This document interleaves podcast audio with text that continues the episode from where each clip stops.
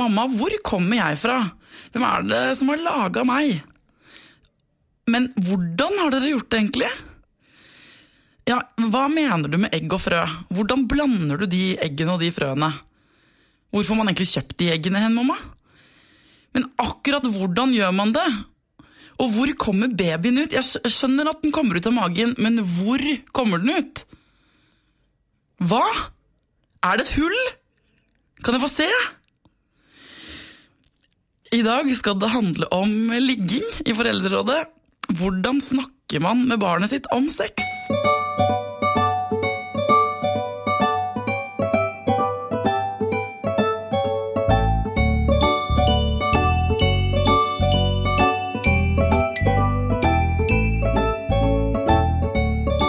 Velkommen til Foreldrerådet, Thomas Winther. Du er barnevernspedagog, familieterapeut og sexolog. Mm, takk, takk. Du, Når skal man starte å snakke om sex med barn? Jeg tenker at Allerede i barnehagealder, altså gjerne sånn fra fire år og oppover, eh, kan man begynne å snakke med barn om seksualitet. Eh, litt forskjellig hva barnet egentlig lurer på, og, og hva, hva man tenker er nyttig for barnet å vite. Men uh, barn er nysgjerrig. Barn er nysgjerrig på sin egen kropp og andres kropp og lurer på hvorfor tissen til pappa henger ut, og hvorfor ikke mamma har sånn tiss. Og, så det er masse, masse ting som, som, barn lurer på. Så med en gang de begynner å spørre, skal man begynne å svare? Ja, jeg tenker at det er det mest naturlige. Hvorfor skal man uh, ikke gjøre det? det barn, når barnet spør om andre ting, så svarer de på det. Men, men hvordan skal man gjøre det, da? Det er jo mange som syns det er litt flaut. Hva skal man si? Ja, eh, Det første som ofte kommer, er jo litt sånn der hvordan man blir til, og litt av hvert sånt noe. Da tenker jeg at man kan fortelle barnet på en ok måte hvordan man faktisk blir til. Uten å trekke inn noe særlig, særlig fauna i det. Altså Blomster og bier, det syns jeg ikke egentlig hører hjemme i, i den eh, diskusjonen der. Eh, Men skal man gå rett på å si tissen inni tissen og sånn? Hvorfor ikke? Det er ikke, altså Barn er bare nysgjerrige. Barn har ikke den tabuen som vi voksne har. Så, så det er absolutt ikke noe feil å fortelle barn eh, hva, hva, som skjer, hvordan barn blir unnfanget. Man trenger ikke å gå noe dypt inn i det. Man trenger ikke å fortelle alt. altså Den radioreklama altså, Nei, du skjønner, eh, har du hørt om nachspiel? Det er ikke der vi begynner. Eh, man, man, forteller barn akkurat det basice som barnet trenger for å vite hva er det som skjer. Det er ikke noe vits at barn skal fly rundt og være redd for bier og blomster i oppveksten. Men hva er det man ikke skal gjøre da, når barnet kommer og spør? Hva er det, man liksom skal, hva er det verste man kan si? Nei, sånn Egentlig så er det jo det å si at vet du hva, det kan vi snakke om en annen gang. Da skjønner barna at dette her er tabu, dette her er ikke noe som vi snakker om i det hele tatt. Og da, eh, Jo mer man tabuserer seksualitet, jo, jo vanskeligere har barn for å snakke om det ved en senere anledning, og jo mer tilknytt blir også forholdet til egen kropp og egen seksualitet. Er det så viktig så tidlig, altså? Det er fryktelig viktig så tidlig. Vi blir Altså, den seksuelle grunnpakka, åssen vi faktisk blir som seksuelle personer, den skapes fryktelig tidlig. Altså alt fra to til fire, fem, seks års alder. Eh, så, så det, det, grunnleggende får vi faktisk der. Eh, og, det som også er, er at hvis, hvis voksne viser at det er tabu å snakke om sex, så vil ikke barn gjøre det. Eh, og én ting er at ok, da, da, tenker jeg at det er tabu for meg selv også, men hva hvis ting skjer? Hva hvis ting eh, skjer som er ugreit for barnet? ikke sant? Hva da, for eksempel? For eksempel overgrep. Uh, og da, Hvis barnet tenker at det voksne kan jeg ikke snakke med uh, seksualitet om i det hele tatt, så vil terskelen for barnet til å snakke om sex, eller snakke om det som har skjedd, eller snakke om overgrep, også være mye høyere for, uh, for barnet. Så man beskytter egentlig barnet sitt litt, da, hvis man snakker med det grundig? Utvilsomt. utvilsomt. Altså, det er den eneste måten man kan, man kan være eh, forebyggende i forhold til seksuelle overgrep, er å snakke om, om sex. Og da, da, barn trenger ikke altså, veldig inngående kunnskap om seksualitet. Det er ikke det det trenger. Det trenger å vite om grenser. trenger å, å, få begreper på seksualitet og få begreper på sin egen kropp. Og så, sånn at de kan fortelle om det. Og vet at de voksne er komfortable med å snakke om dette her. Og Hva vil det si helt konkret? da? Altså, Det vil si tissen og rumpa? Og... Tissen, rumpa, øh, sånne typer begreper trenger barnet for å vite, ikke sant. Altså En overgriper kan jo øh, gjøre ting med et barn, og altså, da trenger man også kunne vite hva er det overgriper gjorde. Ikke sant? Uh, og Eh, det med grenser, altså de barna som, som, lærer seg ok, dette er min kropp, altså den bestemmer jeg faktisk over. Eh, de kan også si nei. Fordi barn er litt sånn redd for å tråkke over eh, voksnes grenser. Og man vet at de voksne er jo dem som vanligvis bestemmer. Og hvis jeg ikke har fått beskjed om at kroppen min bestemmer jeg helt over, så, så tenker barn at ja, men da, da er det vel voksne som bestemmer, da. Karoline har sendt inn et spørsmål til Foreldrerådet, hvor hun skriver Min sønn på fire er veldig opptatt av jentetisser og spør jentene i barnehagen om han kan få ta på dem. Mm. Jeg er redd foreldrene vil reagere. Hvordan skal jeg ta opp dette med min sønn? Eh, sånn i utgangspunktet så er dette her fryktelig naturlig. Altså, Sånne doktorleker har blitt lekt i all tid, og det er Eh, motsetningene som er spennende. ikke sant? Det er, eh, det er veldig ofte at der, altså gutter, gutter, titter på hverandre, dem òg. Så det er ikke noe sånn fy-fy der.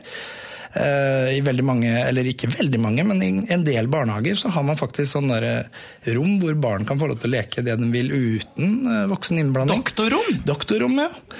Og det er egentlig fryktelig sunt. Den type lek er veldig bra for barna. og Eh, det lærer også barna å sette grenser. Men Karoline er jo redd for at foreldrene til disse jentene i barnehagen mm. Sønnen sier sånn 'Kan jeg få se på tissen din?' kan jeg få se på tissen din? Mm. Og så er hun da redd for at foreldrene til disse jentene skal bli sure, da, virker det som. Mm. Hvor mye skal man forholde seg til hva andre voksne tenker? Jeg, jeg, tenk, jeg, har vært rundt på en del barnehager og snakka om, eh, om, seksualitet. Og snakka om det med både overgrep og, så, vanlig seksualitet. Og uh, hvor sunt dette her faktisk er. Jeg, jeg jobba som eh, foreldreveileder en del år også, og har hatt en del barn eller foreldre som har kommet til den situasjonen også. Eh, og da har det ofte vært gutter og jenter, eller gutter og gutter, og de foreldrene har vært liksom livredde. Er barnet mitt homo nå, liksom? Altså Fireåringen flyr og tar på tissen til en annen gutt, ikke sant.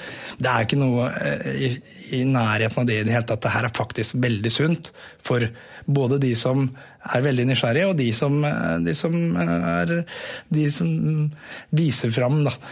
Eh, og hvis barn ikke har lyst til å vise fram, så, viser, så, så lærer de det med en gang. Altså at det, ok, det er greit at jeg kan si nei også.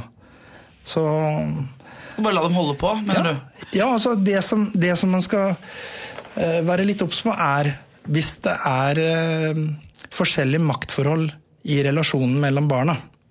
Eh, noen barn kan jo ha vært utsatt for ting, eller kan ha sett ting eller gjort ting som, som ikke er aldersradikate i det hele tatt. Altså ha en eh, forståelse for seksualitet som er, er vesentlig høyere. Og da skal man være obs. Okay. Altså hvis det ene barnet på en måte eh, har regien på alt som skjer, og det ene barnet er den som på en måte har styring i settingen hele tiden, så, så er det ugreit. Og da, da kan man også være litt obs på det andre barnet. Så skriver Tonje jeg har en datter på fem år, og min eks, altså barnets far, vil ikke snakke med henne om noe som handler om kroppen. Han sier æsj, og det skal ikke du spørre om, og det skal ikke du bry deg om og sånn når hun spør ham. Hvordan kan jeg forklart ham at det er viktig at vi begge snakker med henne? Og er det egentlig det, eller holder det at bare jeg tar den praten? Det holder egentlig ikke, eh, men det er i hvert fall vesentlig bedre at en, en voksen tar tak i det. Eh, det, vi har forskjellige grenser, og de har vi ofte med oss hjemmefra. De eh, som vokser opp i et sånt litt eh, miljø som, som har litt tabu rundt seksualitet, de får det ofte selv. Altså De foreldrene som alltid dekker seg til før de går fra badet og til soverommet for å kle på seg, de får ofte barn som er også litt sånn skeptiske til sin egen kropp. Fordi de tenker at kropp er Det smitter. Det smitter, det er vanvittig smitteeffekt på det. Men hvis man da har en, det, jeg tenker at Det er ganske vanlig for folk som er sammen også, at den ene, altså faren eller moren, da, har mindre lyst til å snakke om disse tingene, og så mm. får den andre forelderen liksom jobben. Mm. Eh, er det greit at den som er eh, tøffest på det, tar den praten?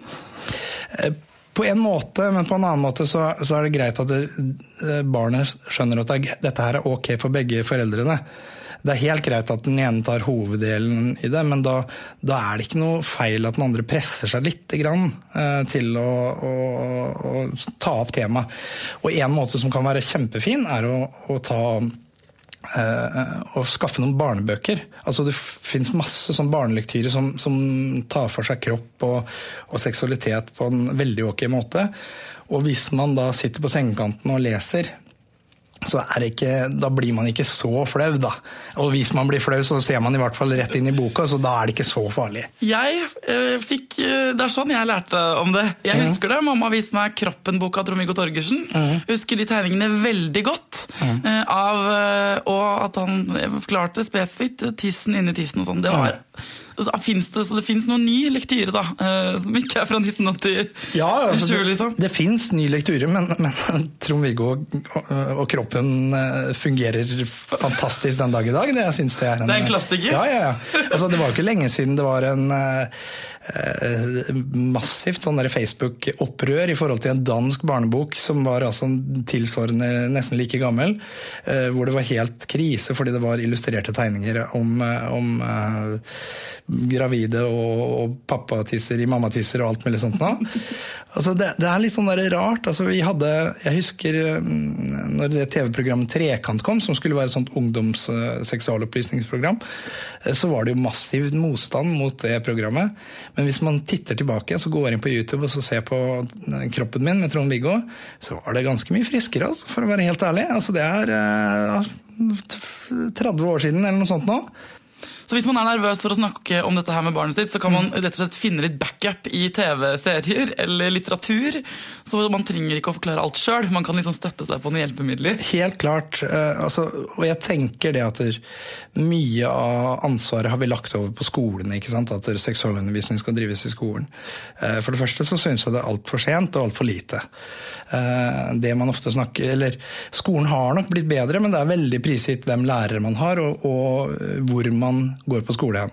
Skolen har stort sett, eh, sånn tradisjonelt sett, eh, vært opptatt av graviditet, uønska graviditet, kjønnssykdommer. ikke sant? Jeg husker når jeg var liten, så viste de noen sånne fæle bilder av noe syflis og sånt noe, som gjorde at du aldri ville ha sex noen gang. Det har vært veldig lite om, om det med Eh, nærhet, intimitet, eh, forskjellige legninger, eh, forskjellig kjønnsidentitet. De type tingene har, har skoleundervisningen tradisjonelt sett ikke, ikke, tatt noe særlig høyde for. Så, så, det er litt viktig at foreldrene faktisk kommer litt på bane, og ikke lener seg tilbake på at det får det det trenger i de par-tre timene som, som, skolen skal lære dem alt om sex. Jeg tror eh, Det er forskjellige stadier. ikke sant? De spør først hvor de kommer fra, hvordan mm. de blir laga. Mm. Og så får man kanskje vite det der med tiss til tiss og hvordan mm. det er et frø og et egg som blandes. Og sånn. Mm. Og så er det eh, i hvert fall hjemme hos oss har vi kommet til det stadiet at han eh, da, Nå tror jo mitt barn at det er at man bare ligger med hverandre for å få barn. Mm. ikke sant? Mm. Så vi kom inn på det her en gang eh, hvor jeg på en måte jeg tenkte, Er det nå på tide å fortelle at vi også gjør det ellers? Uten å få barn. Det, nettopp det steget hvor det ikke lenger handler om den logiske eh, bakgrunnen, at man skaper et nytt liv, eller sant, det man på skolen lærer om graviditet, kjønnssykdom, alle disse tingene, mm. men at er, man gjør det for gøy. da. Ja. Man, og Når er det de skal få vite om, om den delen av det? Eh, jeg tenker at det kan være logisk å si noe om det når man begynner å snakke snakke om det, rett og slett. Altså Helt i begynnelsen. Det er, det er ikke noe feil å si det. Jeg, et, eh, jeg hadde et vennepar eh, som, eh, som, fikk hjem eh, poden sin. altså Han var 13 eller noe sånt nå, og hadde sin første seksualundervisning. Og han kom hjem helt forstyrra og sa Si meg én ting, gjør dere virkelig dette her for gøy! Det var liksom helt, Han var helt forstyrra. 13 år. 13 år. Altså, og det er, hvorfor skal, de, hvorfor, skal de, først tenke det og bli sjokkert at foreldrene eller voksne mennesker gjør det eh, for andre ting? Altså, Én ting er at der, eh, dette her handler jo mye om å være kjærester. Det handler mye om at mamma og pappa skal være glad i hverandre. Og så Man vet det at eh, den tilknytningen som skjer i forhold til at man blir strøket på, at man tar på hverandre, at man koser med hverandre, det gjør at mamma og pappa fortsatt er glad i hverandre og har lyst til å bo i samme hus. Så, så det er jo Man skal smoothe det inn helt fra starten og si at det er sånn vi koser. Ja, ja, hvorfor ikke? Ja, det hvorfor ikke? Nå sier du mamma og pappa og den klassiske man bor i samme hus og sånn, men det er mange andre måter man kan få barn på. Enten one night stand, eller det er to mødre, eller det er to fedre, eller Hvordan skal man eh, forklare det for barn? Eh, jo tidligere man kan eh, fortelle barnet, jo bedre, faktisk. Og jeg tenker sånn, barn er veldig lite fordomsfulle. Barn syns det meste er greit, og så særlig fra de er, fra de er eh, tre-fire til de er ti. Eh, Over ti så er vi over den der gylne øyeblikket hvor, hvor vi kan fortelle barn om det meste. Bare for da begynner skyld og skam og tabu og, og konformitetspress å gjøre seg gjeldende. ikke sant? Så, så fortell eh, om de forskjellige konsultasjonene som fins, hva som er mulig og hva som ikke er mulig. Eh, Det er f.eks. ikke mulig med, med voksne og barn som skal på en måte ha et forhold. Være kjærester, det er ikke mulig. Men at mann og mann kan være, være mulig, og at kvinne og kvinne kan være mulig, og noen, som, som man sier, altså treffer noen på byen. Og, og øh, seksualitet er en ting som, som er, øh, gjør oss godt, og det er derfor man på en måte treffer noen eventuelt da på byen. og i forhold til det med one night stand. da. Eh, og så, så har man jo andre eh, muligheter. Det er, det er ganske mange der ute som drar til Storklinikken som, som tenker at der, eh, partner i livet er kanskje ikke det viktigste, men barn, barn er noe man alltid har ønska seg. Så hvis man starter med den frø-egg-kombinasjonen, da, så sier man eh, mann har frø, kvinne har egg, man Mm. blander det og det blir en baby. Og så, men eh, man skal altså da eh, selv om man selv har et, et barn som er født av en mann og en kvinne, Mm. eh, forklare det barnet Tenker du at eh, Det går også an å dra og kjøpe de frøene et annet sted? og Hvis to damer er kjærester, for da har de jo egg og egg, så trenger de frø fra en annen. Altså Skal man åpne hele den pakka der? Ja, ja så Ja. hvorfor ikke? Altså, det spørs jo litt hva, hva man trenger. Det er helt greit å fortelle dette. Det her er ikke vits i å fortelle inngående til et barn som på en måte ikke har noe Ikke har spurt. eh, ikke har spurt eller nei, altså, barn spør jo sjelden, sjelden om akkurat det. De har ikke hørt om Stormklinikken og sånt. Men, men eh, eh, man kan fortelle at det fins, og fortelle at det er helt greit. Eh, jo mindre fordomsfulle foreldrene virker, jo mindre fordomsfulle kommer barna også til å være i sin eh, oppvekst. Altså, dette ble tatt opp på bussen i mitt liv, liv, hvor eh, jeg har en homofil venn, og hans kjæreste har vært på besøk, og Tidemann Min barn da, så på meg stappfull buss og sa Men de har jo bare frø! Hvordan skal de lage baby? Og da så hele bussen på meg og venta på min uh, forklaring. på en måte i rushtrafikken her. Så jeg nei, da kan de faktisk spørre om å få noen egg fra et annet sted. Og da stoppet den samtalen der. Men uh, jeg kjente at kinnene mine var røde, at jeg var litt stressa for jeg ikke visste hvor mye jeg skulle dele. Hvor mye som var greit å fortelle.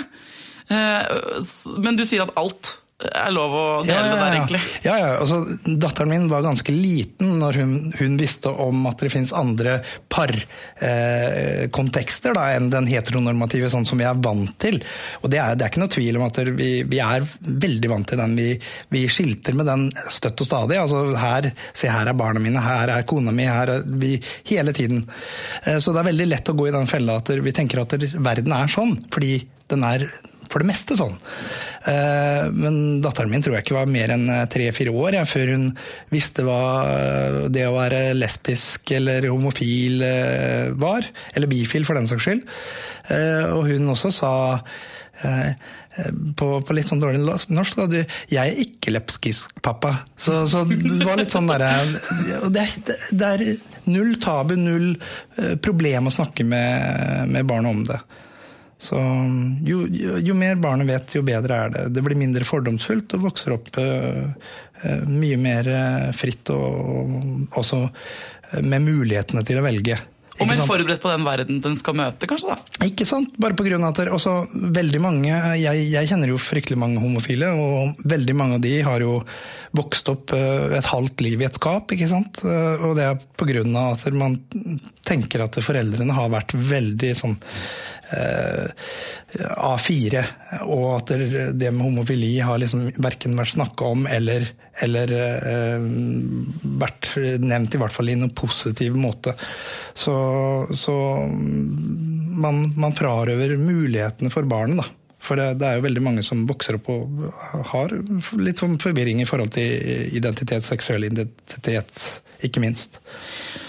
Harald her har sendt et spørsmål. Han skriver Jeg har en sønn på seks år, og han leker doktor med nabojentene, som er fire og fem. Hvor mye skal jeg passe på, og hvor mye skal de få lov til å utforske på egen hånd? Ja, eh, Tore, Langfeldt ville jo sagt at man skal bare ta, hvis man kommer inn i et rom hvor barn driver leker doktorleker, så skal man be om unnskyldning og, og backe ut og lukke døra. Og gi dem helt fritt spillerom. Og det, det, kan være vanskelig for mange å, å tenke at ok, lite grann bør jeg vite om hva som skjer, men som regel så er dette her fryktelig uskyldig. Eh, man, eh, man leker er nysgjerrig og finner ut om andres kropper og sin egen kropp og alt mulig sånt. Så det er, det er lite problematisk i forhold til det. Er det ikke noen kjøreregler man kanskje kan gi dem som er litt sånn ikke putt ting inn steder? Altså, eller skal man Som regel så finner man ut av det, altså, for å være helt ærlig. Altså, det er, det er eh, det vanlige sånn samleielignende eh, bevegelsene, det er ikke normalt på den alderen der. Nei. Man kan ligge oppå hverandre og gni seg inntil hverandre, og alt mulig sånt noe, men man har ikke den inngående forståelsen for, for hvordan, eh, hvordan, ting eh, foregår. Det er faktisk der man, man skal være litt obs. Hvis det ene barnet viser veldig forståelse for hvordan ting skal foregå, da bør, man, da bør, det ringe noen varselbjeller. Man må følge litt med, da? Altså, Man kan gjerne følge litt med, altså bare for å se at alt er i orden. Men så tenker jeg at de skal få styre sin egen regi. Det er ikke noe problem, eh, egentlig. Eh, Tine har et lignende spørsmål. Min datter på fire har flere ganger prøvd å lage barn med sin fetter. De kler av seg og legger seg oppå hverandre og sånn. Hva skal jeg si, hva skal jeg forklare, og hvor detaljert? Nei, altså som sagt. Det er helt i orden, tenker jeg. Også, også at barn leker doktorleker. Det, det, altså jeg har en datter på to år, to og et halvt år. Og hun er veldig opptatt av seg selv og sin egen seksualitet. Og seksualiteten er Når tror du seksualiteten begynner hos barn? Har de seksualitet fra de er små, eller? Er det det det er, eller er det bare sånn generell kroppslig nysgjerrighet? Nei, det første man, man, vet at barn kan få orgasme i fryktelig ung alder. Altså Vi snakker veldig veldig ung alder. Og eh, når jeg jobba som foreldreveileder, så, så hadde jeg barn som foreldre som kom til meg og var kjempebekymra fordi barnet satt og red på alle knær det kom over. ikke sant? Og det passa seg fryktelig dårlig i familieselskaper. da, At der, toåringen sitter der med sløra blikk og, og, og med onkel eh, Eller på fanget til onkel. Men greia er det at det veldig ofte så barn kan snuble over den der hemmeligheten som er orgasme. Og, I toårsalderen? Ja, ja. Utvilsomt. Eh, og det som er, er at det, altså, barns seksualitet begynner i mors liv. Man har ultralydbilder eh, på gutter med erigert penis, og som ligger og holder på penisen sin. Så det er eh, Man begynner seksualiteten sin fryktelig fryktelig tidlig. Men vi vil ikke tenke på barn som seksuelle vesener. Eh, men det er, det, er, absolutt ikke noe uvanlig med, med barn som, som har snubla over den der hemmeligheten som er orgasme da. Og men... da er måten De ønsker så innmari å oppnå den igjen. Og det kan være vanskelig, for de har jo ikke noen sånn særlig gode metoder for å, for å, oppnå det. Men da er det veldig fint også å kunne si noe om grenser igjen. ikke sant? Og hva sier man da? Da sier man at vet du hva, det, det er kjempefint at du har glede av din kropp og, og, glede av deg selv, men det gjør vi kanskje på rommet. Kanskje ikke i familiemiddager og, og sånt noe. Og så kan man, Det er en super mulighet til å lære barn om grenser på egen seksualitet. ikke sant? Man må rett og slett, eh, man kan ikke si nei og ikke gjøre det. og sånn. Guide, guide, barnet. altså Dette her er eh, ikke en passende sosial kontekst å sitte og onanere, eh, men inne på rommet er det helt fint. Og der gjør de aller, aller fleste det. Så det er helt i orden. Eh, jeg skjønner jo at det der er vanskelig. En ting er at man kan forholde seg til sitt eget barn. Mm. Men det er jo, eh, jeg tenker som foreldre at det er vanskelig i forhold til alle de andre voksne. Ja, det er nettopp det. For det er jo der skammen ligger. Man ja, kan kanskje ja. forstå at barn ikke forstår hva de gjør, og sånn, men alle de andre voksne reagerer jo. Må man ta en sånn runde i plenum sånn Nå beklager jeg at mitt barn onanerte på onkel Harald. på en måte. Vi snakker om det. Eller hva, hvordan løser man det rent sosialt? Nei, altså jeg, jeg tenker at der, eh, hva, eh, Hvordan er den der skyld og skammen der egentlig? Er det sånn at der, uh, jeg uh, føler at det er forferdelig at barn gjør det, eller føler jeg meg ubekvem? Ikke sant? Som regel så er det jeg som eventuelt hadde følt meg ubekvem. Jeg syns jo sånt er festlig, eh, så jeg syns det er kjempegøy. Men du er sexolog! Det, det er det som er litt gøy. Jeg elsker det sånt som har vært i puls og sånt når svigerforeldre og foreldre sitter, sitter kleint i stua og titter, og, og jeg lar jo TV-en stå på. Sånt syns jeg er kjempemorsomt. Men hva med den andre veien, da? Hva hvis barnet ditt eh, ikke har stilt noen spørsmål, Mm. og ikke virker interessert i det hele tatt i hverken sin egen kropp eller andres? Mm. Nei, altså, det, det, det er heller ikke uvanlig i det hele tatt, det. Eh, litt sånn nysgjerrighet i forhold til hvordan man blir til, mm, pleier å komme. Men det er ikke alltid det kommer veldig tidlig. Men jeg tenker altså, eh, fra sånn tre-fireårsalder så syns jeg det er helt ok også lære barn om seksualitet allikevel. Selv om de ikke spør? Ja, og det, det, der tenker jeg eh, at jeg vil i hvert fall først og fremst beskytte barna mine. Altså, jeg vil, vil lære det om grenser og kropp og, og gi det begreper, sånn så barnet skjønner. Altså, en av, en av tingene her er jo at du gir tillatelse til å snakke med meg om det. Så den gangen du lurer på noe om det, så er det, da vet du at det er greit å snakke med, med pappa om det. Da har du åpna den døra, Da har jeg åpna døra på gløtt, sånn som han står, og det vet barna at den står på gløtt. Eh, Det andre er at jeg vil gjøre barnet mitt best rusta mot overgrepsproblematikk. Jeg har ikke lyst til at barnet mitt skal være utsatt for overgrep, og dermed så vil jeg også eh, la barnet få, få vite det det trenger for å være best mulig beskytta.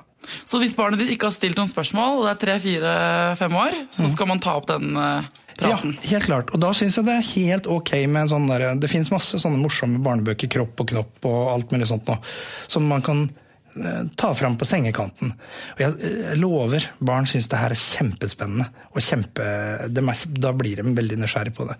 Og veldig mange tenker at ok, lærer vi barn om seksualitet og at de kan masse om sex, så blir de sånne sexfriker, altså som flyr rundt og har seg overalt. Det er, eh, I realiteten så er det motsatt. Eh, All forskning viser at de barna som kan mye om seksualitet, de debuterer mye, mye senere. De debuterer mye tryggere. Eh, De er oftere beskytta når de har sex, og de er sjeldnere rusa når de har sex. For altså, Hvis jeg ikke kan noen ting om dette, her, så er det jo skummelt som bare fy. Og er det skummelt, så er det jo litt sånn spennende, og da vil jeg i hvert fall prøve det. Så, så det er eh, helt sånn paradoksalt. Altså, man tror at vi beskytter barna våre mot sex ved å, ikke, ved holde dem i mørket. Men det er faktisk ikke sånn det er i det hele tatt. En sånn liten morsom fun fact i forhold til det. Eh, på 1800-tallet eh, så, så hadde man en sånn der undersøkelse som gikk eh, over hele Europa, i hvert fall, på, på seksuelle overførbare infeksjoner. Og man skulle jo tro at England skulle stilt seg ganske sterkt der, bare pga. at de har vært veldig til å, å Seksualitet har vært veldig tabu i England, alltid. De har også delt opp barn, ikke sant. Altså gutter skal på guttepensjonater, og jenter skal på jentepensjonater. Eh, og Tyskland har jo vært helt det motsatte. De har vært veldig liberale. altså Seksualiteten, eller se, sexologien, kommer jo eh, har jo sin vugge i Tyskland. Eh, de hadde ca. ti ganger så mye kjønnssykdommer i England som det de hadde i Tyskland. Altså ikke 10% men ti ganger så mye. Og det, det viser jo litt om at der, ok, der vi faktisk har prøvd med all vår makt å dele, sånn at ikke gutter og jenter skal ha noe med hverandre å gjøre, så har vi ti ganger så mye Da Der tar det helt av, liksom. Der tar det helt av. Så, så det, vi, vi beskytter ikke barna våre eh, mot seksuell omgang ved å, ved å holde dem i mørket og ikke fortelle om seksualitet. For de som har litt eldre barn, som da har iPad og internett og tilgang til ting, selv om man kontrollerer og prøver å passe på, så vil de vel ganske tidlig undersøkelser jeg har sett i hvert fall, viser at de kommer ganske tidlig over porno. Hva skal man, hvordan skal man forholde seg til det? Eh, igjen så tenker jeg uh, informasjon er det beste veien å gå.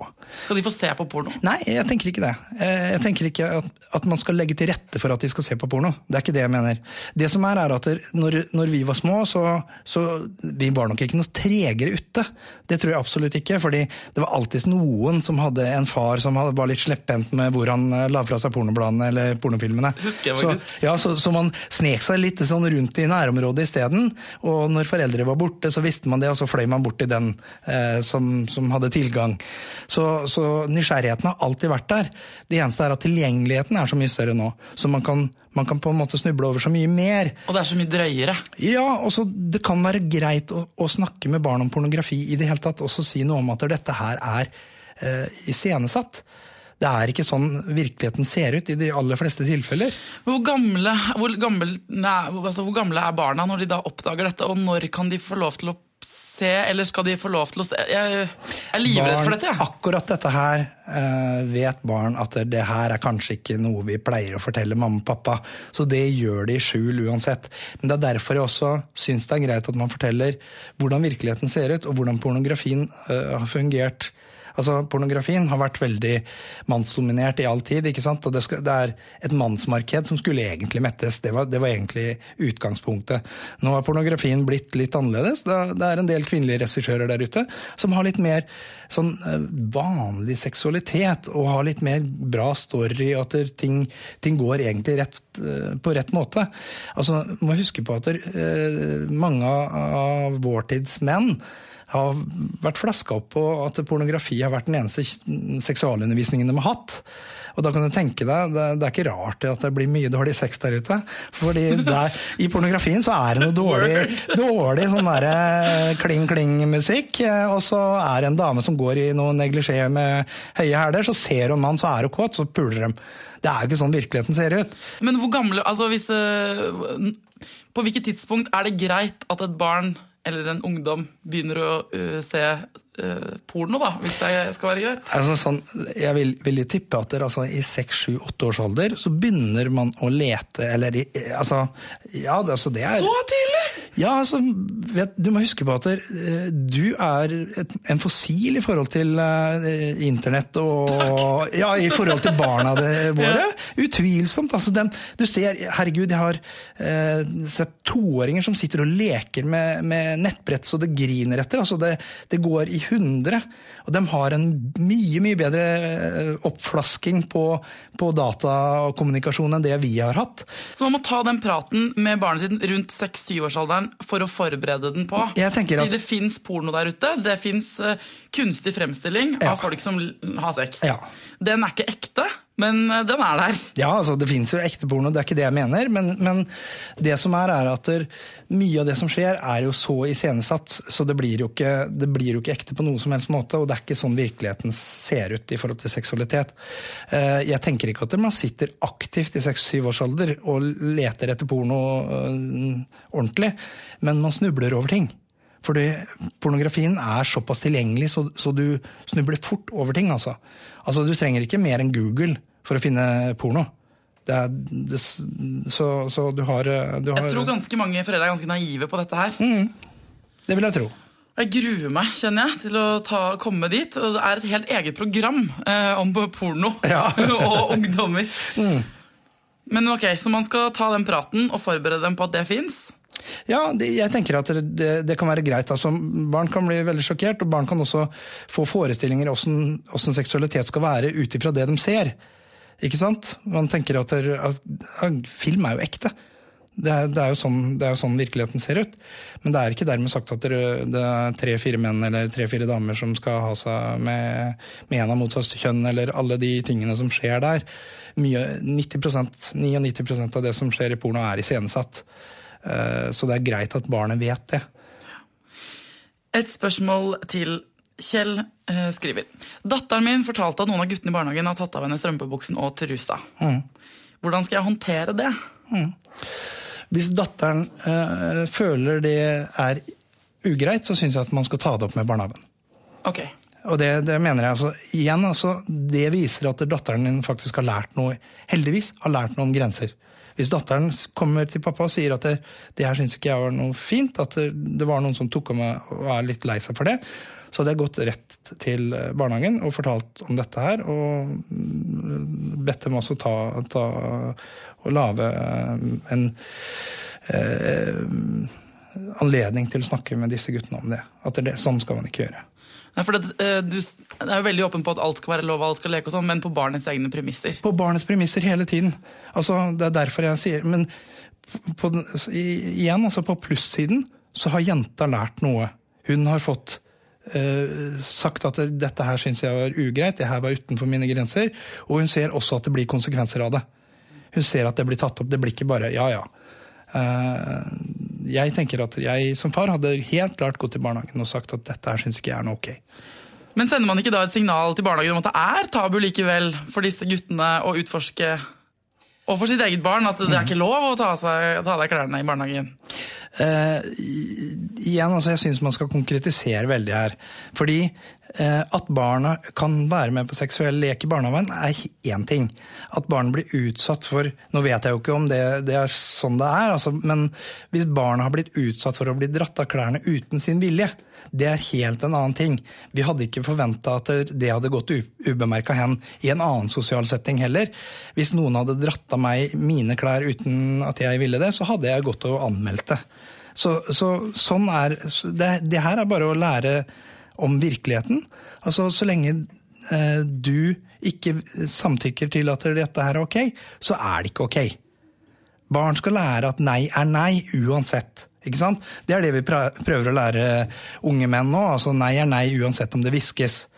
Så, så, at man skal respektere hverandres grenser, det, det er det jeg vil ha fram, eh, fram her.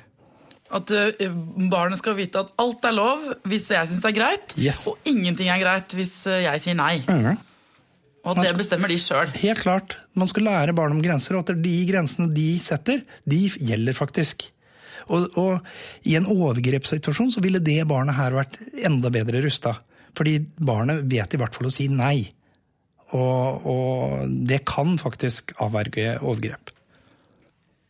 Thomas Winther, eh, hvis du skulle oppsummert i, altså, ha ett generelt superviktig råd til alle foreldre der ute, hva ville det vært? Eh, tør å snakke med barnet ditt om seksualitet. Og hvis du syns det er vanskelig, skaff deg en eller annen bok, eh, en eller annen film. Altså, det er veldig mange som til og med har bøker bare liggende, og så bare sier fra at jeg vet at du er i en sånn alder hvor du er nysgjerrig på ting, så her er det en del bøker som står altså, i bokhylla i, eh, på, på, et sted som du kan nå det. Eh, og så bare bla i dem og så spør hvis det er noe. Eh, jeg tenker at man gjør barna sine en bjørnetjeneste hvis man, eh, hvis man holder dem i mørket i forhold til seksualitet. Tusen, tusen takk for at du kom til Foreldrerådet, Thomas. Kjempehyggelig å være her.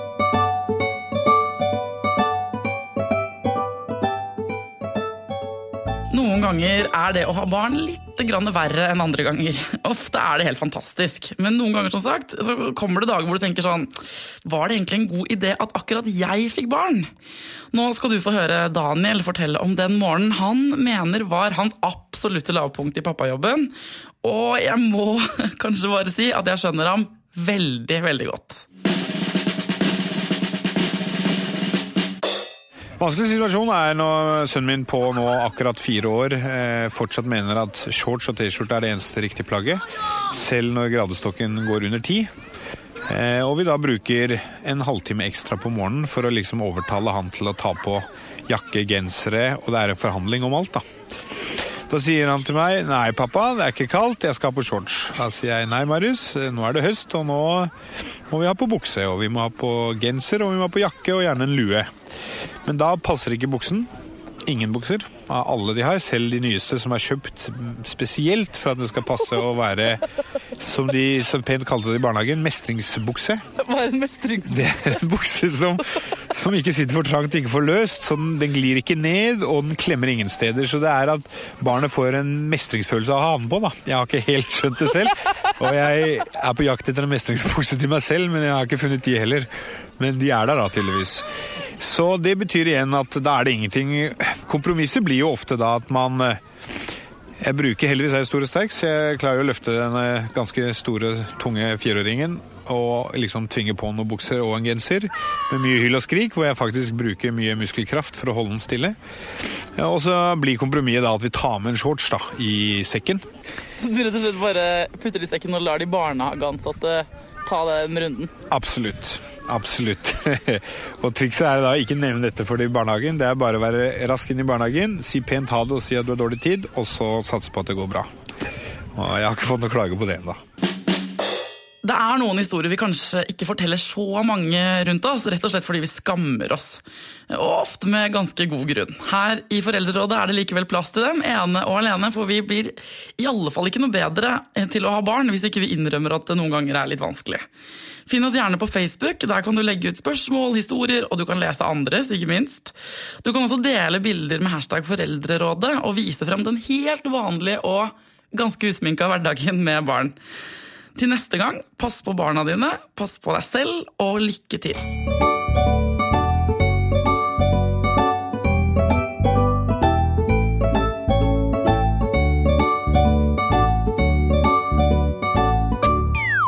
Produsert av Rubicon Radio.